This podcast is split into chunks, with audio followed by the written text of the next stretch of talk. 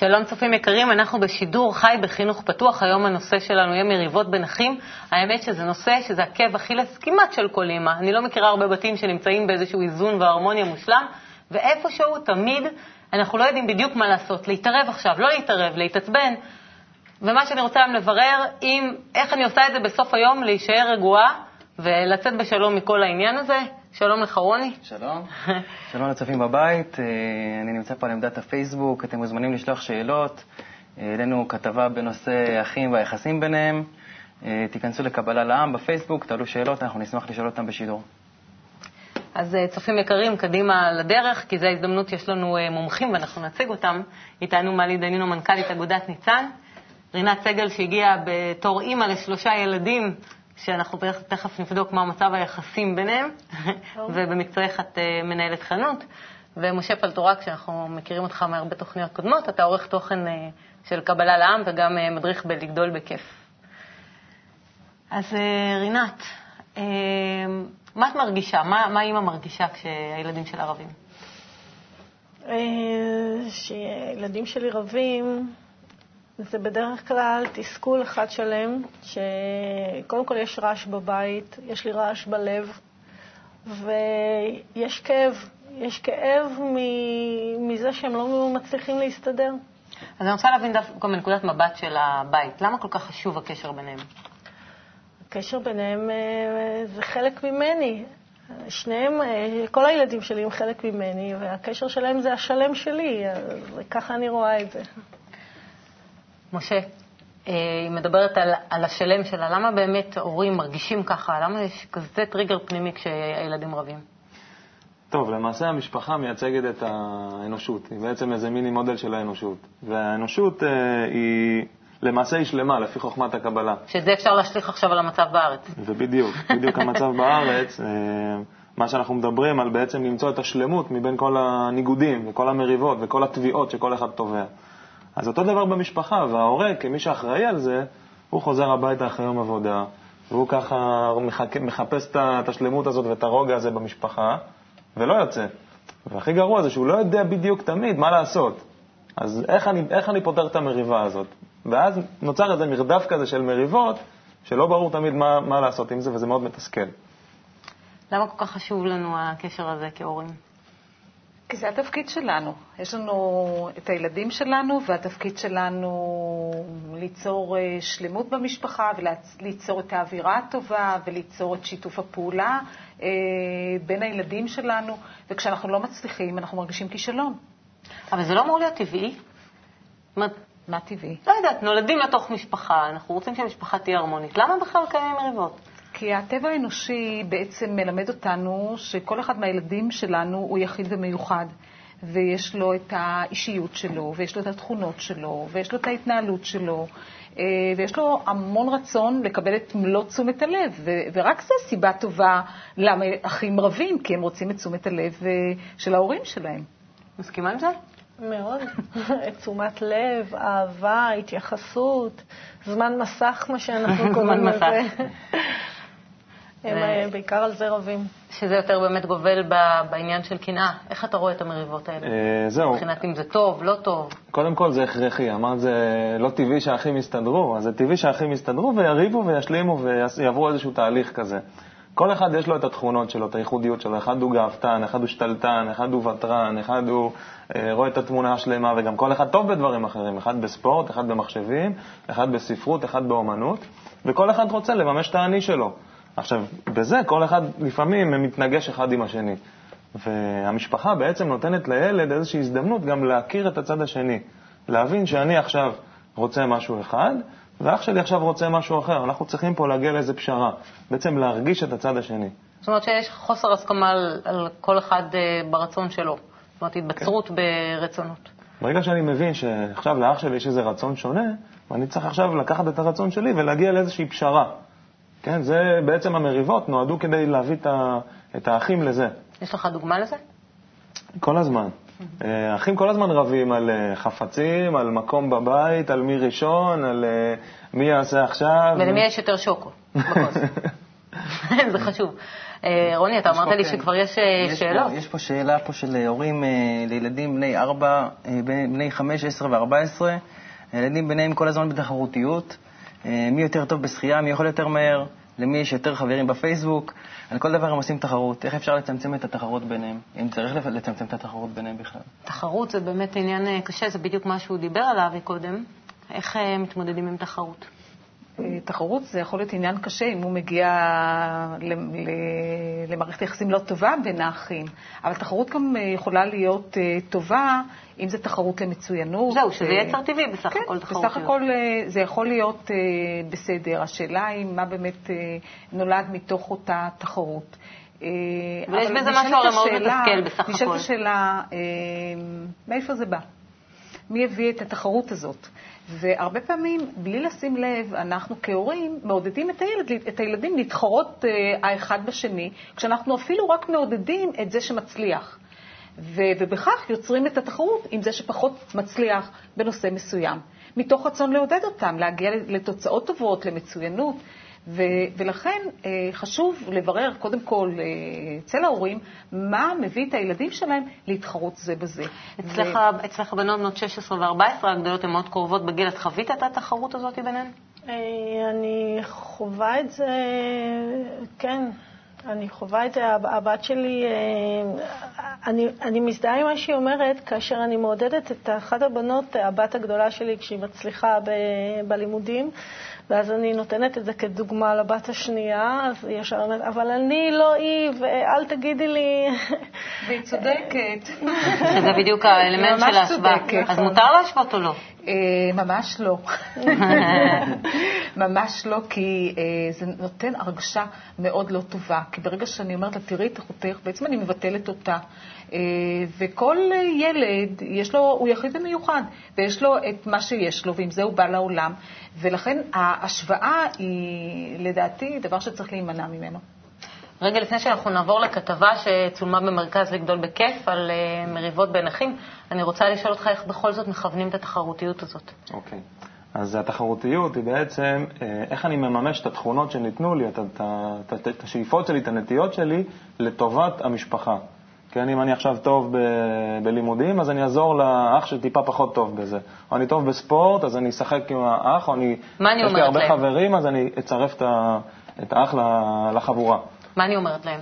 קודם כל, לגבי התחרותיות, את מעודדת כל ילד אה, כלפי עצמו. האם השתפרת, האם התאמצת? כלפי עצמו, לא כלפי אח אחר. לעודד מצוינות כלפי עצמי. זאת אומרת, לא להשוות ביניהם. לא להשוות ביניהם, זה דבר ראשון. אבל ככה החברה שלנו בנויה, כל התחרות נכון, הזאת. נכון, גם אם זה הולכים לבית ספר, שם משווים ביניהם, וואו, הוא קיבל 100. וזה וואו, מאוד, רגע, אז זה גם אני מאוד צריך טבעי לקבל. וזה מאוד מתסכל את הילד, כי היום הילד רוצה להיות טוב בהכל, והוא לא יכול להיות טוב בהכל, אז הוא חוזר מתוסכל והוא פורק את זה. אז לכן הערך שאנחנו צריכים להציב במשפחה כנגד ה- מה שהם סופגים מהחברה, בית ספר וכן הלאה, זה דווקא השיתוף פעולה, דווקא העזרה, דווקא להרגיש עכשיו מה הוא רצה, ואולי מתוך זה לוותר, אבל גם הוויתור, לא סתם לוותר, אלא עכשיו מה הרווחת מזה? מה הרווחת מהוויתור? נהיית עכשיו חבר יותר טוב. הרווחת את החברות, השיתוף פעולה. נעשית גדול יותר. אתה משנה בעצם את הערך של אתה אותה משנה את תחרותיות. הערך, וזה ערך, ערך חשוב ביותר במשפחה, שמחנך אותם גם אחרי זה להיות אה, בחברה. שיתוף. פעולה. שיתוף פעולה. אז בואו נראה כתבה שצילמנו אה, בלגדול בכיף, כתבה שצולמה במרכז שאתה אה, נמצא בו ומדריך בו. תחזרו אלינו מיד אחר כך. היום יש לנו uh, תוכנית מאוד מאוד מיוחדת, נושא שהוא ככה מאוד קרוב לכל מי שלפחות יש אחים. זה הנושא של הריבים בין האחים, ובעצם מה יותר קרוב לנו מהקשר שלנו עם האחים, ממש קשר דם כמו שזה נקרא, ואיפה שיש גם קשרים מאוד חזקים, אז יש גם uh, דברים או שהם אהבה גדולה או שגם ריבים. אז בואו נתחיל ונברר את זה, קדימה. מה אומר לכם המילה אח? כן, בבקשה. מישהו שתמיד יהיה לצדך ותמיד יגן עליך, או שאתה תגן עליו, ותמיד תהיו ביחד ותגנו אחד על השני. יפה. כן, בבקשה. מישהו שבכל מצב יריב איתך. יריב איתך. אוקיי. אוקיי. עוד? מישהו שמעצבן אותך בכל דבר. אחות מעצבנת. אחות שווה מעצבן. אוקיי. אוקיי. קנאה. קנאה. על מה אתם רבים? על מה? מה הריבים? כן, בניה. אני אוהב לשחק איתם, לעצבן אותם, ואני עושה להם איזשהו... אה, קרניים. כן. כן, בואו בוא? בוא, בוא נברר מה, מה, מה הסיבה שאנחנו כל כך אוהבים לריב עם האחים שלנו, ובכלל מה הסיבה ל- לריבים בינינו. ניצן, בבקשה. קודם אני קובע לי את זה כמטרה לעצבן אותה, ואז אני מצליח בזה, זה כיף. אבל למה אתה עושה את זה? למה אתה קובע לך כמטרה לעצבן אותה? כדי שאני אקבל את מה שיש לה. מעניין. מה מאחד את כל הדברים שאתם אומרים פה? אתם מעלים פה הרבה סיבות, כל מיני מקרים, תיאורים, דוגמאות. מה מאחד את כל המקרים האלה שבגללם אנחנו אה, רבים? כן, בניה? הסיבה היא שמייחד את כולם זה להיות שהאח שלך או האחות שהם יראו את זה, ש... שיהיה לך שליטה עליו. אהה. אי אפשר להימנע מריבים, כי אצלי למשל הריבים זה בגלל שאני רוצה לשלוט על האחים הקטנים שלי ולהראות להם שאני הבוגרת. אי אפשר להימנע מריבים כי זה נובע מדחף טבעי. למה אתה מתכוון? שאתה מרגיש את זה בטבע שלך, שאתה חייב לעשות את זה. הכנו במיוחד חלק במיוחד של דיון שכל כולו זה רעיונות. רעיונות אה, איך אה, לזרז את המעבר של המצבים האלה של הריב, איך להתמודד עם זה בצורה טובה יותר. אז בואו נעשה דיון פתוח. מוכנים? יאללה. עצה ראשונה, לקנות שק אגרוף, שבמקום להוציא עצבים על האח שלך, תוציא עצבים על השק אגרוף או על כרית. עצה שנייה, אם הריב מגיע כבר לרמה פיזית, אז אה, לנסות למנוע את זה בכל דרך. אם נגיד, אני רואה ששני האחים שלי רבים, אז אני מנסה להפריד ביניהם, לא משאיר את זה, יואו, איזה סרט יפה, וואלה, אפשר לצלם את זה ולהעלות את זה ליוטיוב, בואו נשאיר את זה ככה. שתעשו דיון על זה, וככה בעצם תפתרו את המריבה, שכל אחד יגיד את הצד שלו, וככה תעשו משחק תפקידים ואת המצב המתוקן. נראה לי שזה יכול להיות רעיון יותר טוב מאשר איזה ריתוק אחד או. כל דבר. תחשבי על כל דבר. תודה שחזרתם אלינו, אז אה, מה את אומרת? יש שם משהו שונה במה שהם אומרים? שונה ממה? מתוך הזווית של הילד. אה, אני חושבת שמה שהם- מה ש- מה ששומעים מהם, שזה ממש fun בשבילם. הם ממש. נהנים מזה. ואני שואלת את עצמי, עד כמה אה, כשמשעמם רבים יותר? למשל בחופש הגדול. אני חושבת שהילדים רבים יותר, פשוט משעמם להם. ויש פה איזשהו חלק של משחק, ואולי אנחנו המבוגרים מסתכלים על זה ככה ואומרים, וואו, הילדים רבים, אסון, אנחנו אה, לא הורים טובים, והם בסך הכל נהנים מכל, ה, מכל העניין הזה, מכל המשחק הזה. יש פה שאלה בדיוק על זה, נושא האלימות קצת. כן. שואלים פה, אה, אה, אור מרמת גן רוצה לשאול כיצד, כיצד להתנהג כאשר בני בן השבע מתנהג בזלזול ובאלימות כלפי אחיו הקטן בן הארבע. אז אה, מתערבים. השאלה היא, הש, השאלה היא איפה הוא למד את זה, להתנהג בזלזול. זאת אומרת, אה, חשוב להגיד שההורים הם מודל לחיקוי. וזה זה, זה נלמד בתור, בסביבה שלך, וצריך להיות ער לכל הדברים שנאמרים בבית, ולזה שהילד קולט את מה שהוא שומע. ואם אנחנו מצד אחד אומרים לו, "תראה, זה לא נכון אה, לדבר ככה, אתה מזלזל באח שלך, מצד שני אנחנו נוהגים באותה צורה, הסיכוי שהוא ישמע את מה שאמרנו ויאמץ את זה הוא קלוש ביותר. הוא, הוא אפילו לא קיים. הסיכוי שהוא יאמץ את מה שנמצא בסביבה ואת מה שהוא קלט בחושים שלו, בוודאי שזה סיכוי טוב מאוד. לכן, הורים, תהיו ערים לאיך אתם מדברים בבית, אה, אין דרך כל אחרת רגע. ללמד את הילדים שלכם. משה, אה, אני גם רוצה להגיב לזה. אה, אני חושב שמצד אחד כלפי אלימות צריך לנקוט קו שאין לזה מקום. איך אתם באמת. מתנהגים? רציתי לשאול איך אתם כן. מתנהגים במרכז אצלכם ולגדול בכיף ב- ב- גם, באלימות. גם, את- טוב, אצלנו בסדר. אני- לא, דווקא מהאספקט של הקבוצה, בגלל זה אוקיי. אני... אה, אז אה, קודם כל באמת אה, אין מקום לאלימות, זה די דומה למה שבבית, ומשתמשים הרבה בדיונים.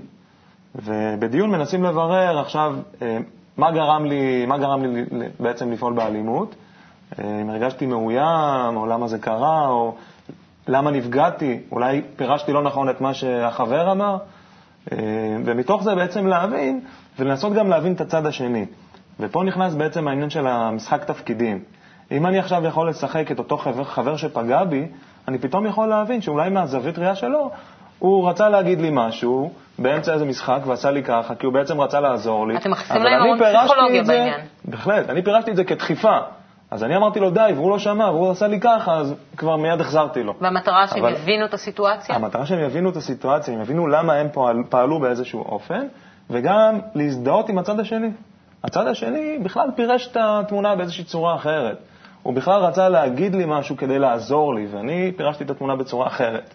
מה את אומרת להם כשאת נתקלת במצבים כאלה שמזלזלות אחד בשנייה? אני אומרת מזלזלות, כי ילד אה, בן שש בטח פחות... אה, זה קורה, זה קורה. אה, מה אני אומרת? אני ישר, קודם כל מזדעזעת, אבל אני מאוד מתחברת לעניין של...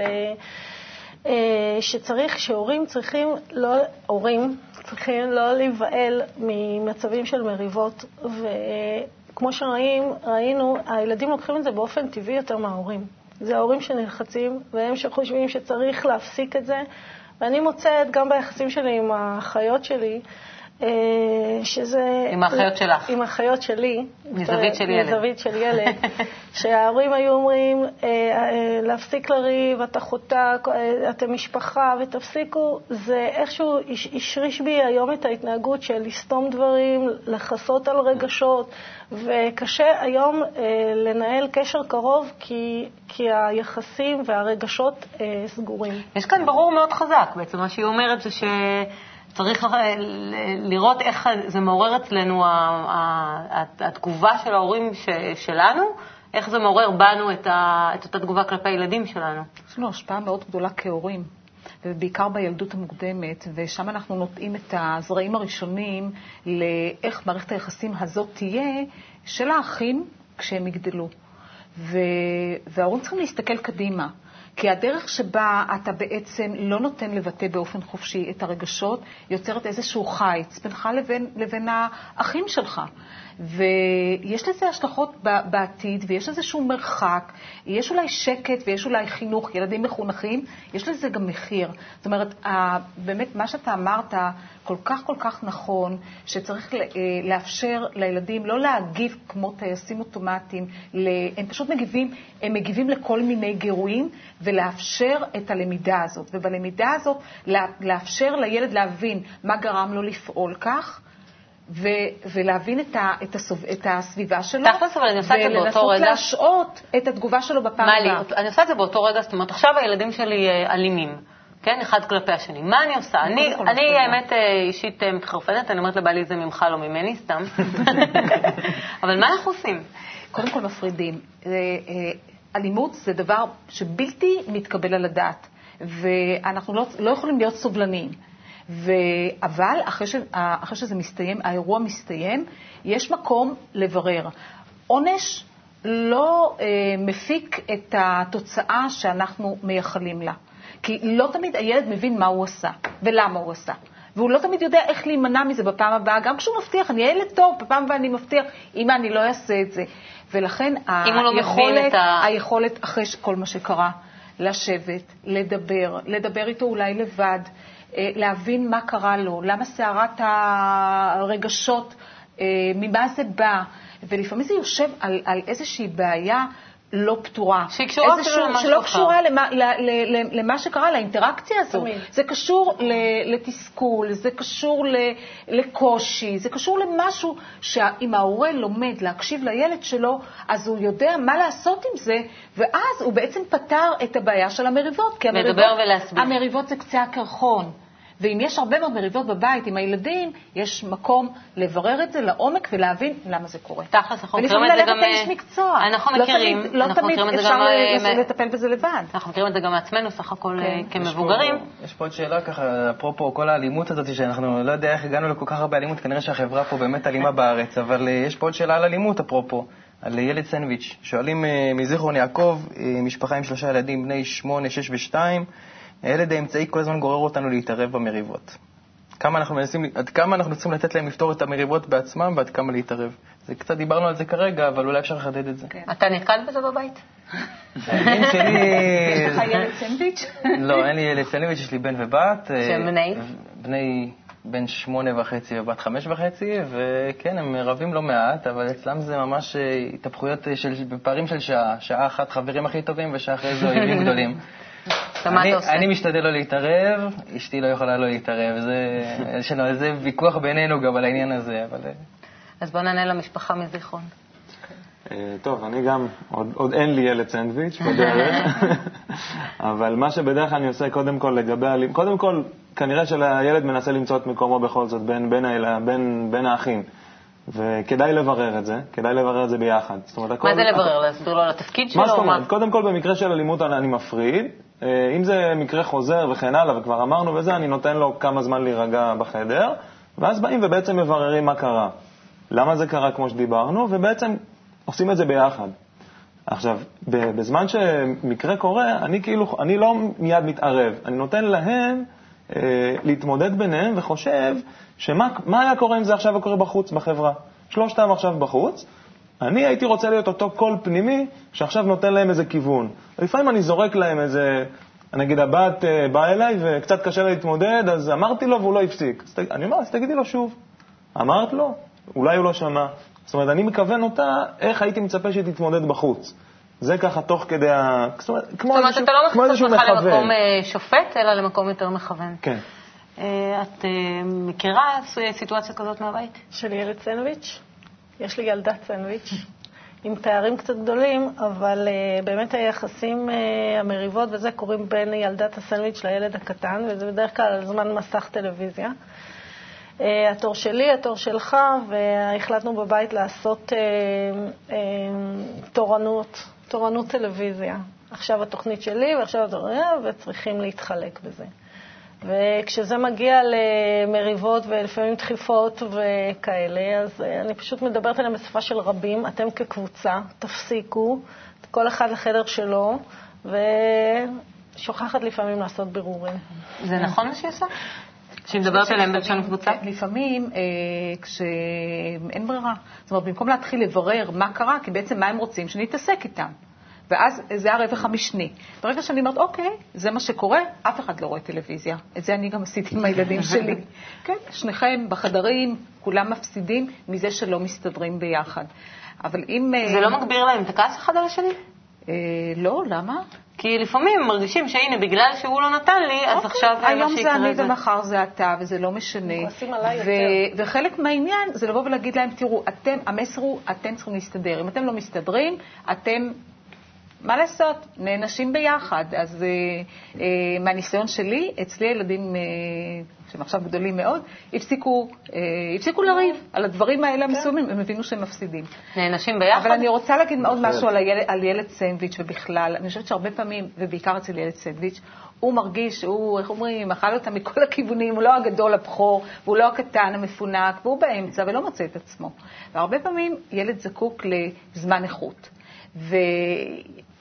והרבה פעמים ילד סנדוויץ' אולי זקוק ליותר. זאת אומרת, ממה את אומרת שיש לזה איזשהו שורש הרבה יותר אה, כן, רציני, שבעצם חסר לו שוב תשומת לב. אבל אני רוצה באמת לשאול את ומציגים את זה משה. על ידי זה ש, שמוצאים, שההורים מוצאים לילד, ובכלל לכל אחד מהילדים, את הזמן שלהם, זמן איכות לבד עם הילד הזה, כן. בלי קשר לכולם. אני רוצה לשאול את משה לגבי האנשה ביחד. אתה מסכים עם האמרה הזאת? כן, אני חושב שעצם זה שהם רבים, אז הם מפסידים. הם מפסידים אנרגיה, הם מפסידים זמן, הם מפסידים שלא קיבלתי, בסוף אף אחד לא קיבל את מה שהוא רצה, ובסוף כל הסיפור התפוצץ. פשוט צריך להראות להם איזה שהפסדתם, ולהראות להם מן העבר השני, אם מישהו היה מוותר, או הייתם מגיעים לאיזה פשרה, להראות להם לא רק שהייתם יכולים ביחד לעשות, גם כמה הייתם מרוויחים מזה שעכשיו הייתי מבין עכשיו שאח שלי רוצה משהו אחר, והייתי יכול להתחשב בו. כי בעצם כל החברה שלנו בנויה על התחשבות הדדית. כן, מי שמצליח היום זה מי שעכשיו מבין מה אחרים רוצים, ויכול לעזור להם בזה, ויכול אה, להשתמש בזה. זה כמו ויכול- שאומרים, אני כהורה, זאת אומרת, אחד הצעדים הראשונים הוא לא להתעצבן קודם כל, כי כשאתה מביא את העצבים אז אתה מכניס איזה סוג של מעורבות רגשית מאוד כמו גדולה. איזשהו צופה מהצד ומכוון, עד כמה איך שזה עושים את אפשרי. זה? עכשיו רגע, תחזרו אלינו, אם אתם מסתדרים, בינתיים אתם לא רואים טלוויזיה, אלא אם כן, תלכו לחדר, תחשבו, תמצאו איזה נכון. פתרון, תחזרו לפה, נכון. נראה עם איזה פתרון חזרתם, יכול להיות שתוכלו לראות טלוויזיה. רינת, את מצליחה להיות אימא קולית כזאת שבאה ואומרת, עכשיו בואו נסגור את הטלוויזיה ובואו תלכו לחדר. יש והכל ימים- בסדר בחופש הגדול, אני רק הגעתי מהעבודה והכל מצוין. זה ממש, כמו שיש שעה אוהבים, שעה שונאים, יש רגעים של הצלחות והמון אה, המון שלא. מה אני אמורה להרגיש בתור אימא אחרי שהתעצבנתי וצעקתי עליהם? אמרתי להם, לכו לחדר שלכם. ממש לא טוב. לא טוב. כן, ואם זה קורה הרבה פעמים, אני אומרת, תעצרי בתור אימא, תחשבי, אולי אה, תדברי עם חברה, אולי תלכי לאיש מקצוע, תחפשי איזושהי אסטרטגיה שעובדת. יש פה, יש פה שאלה ככה, אם מישהי... אין לנו זמן, אנחנו ממש בסוף, ואנחנו אנחנו רוצים שהקהל שלנו בבית אה, ימשיך לשאול שאלות, ואנחנו נוכל לענות להם אולי על אותן שאלות אה, בתוכניות הבאות. אה, אבל אה, טיפ אחרון לפני סיום. טיפ אחרון, להעלות את הערך של שיתוף פעולה, לשבח את מי שמוכן לוותר בשביל זה ולהראות את הרווח של זה, ובאמת לי- כקבוצה, להראות את הרווח המשפחתי, שכל המשפחה מרוויחה מזה. רווח משפחתי. רינת. טיפ אחרון ממה שלמדתי פה זה לדבר הרבה עם הילדים, לעשות בירורים. אבל לצערי אין לנו זמן, אנחנו ממש ממש בסוף בשידור חי, אז תודה רבה לכם צופים יקרים, ותהיו איתנו גם בתוכניות הבאות.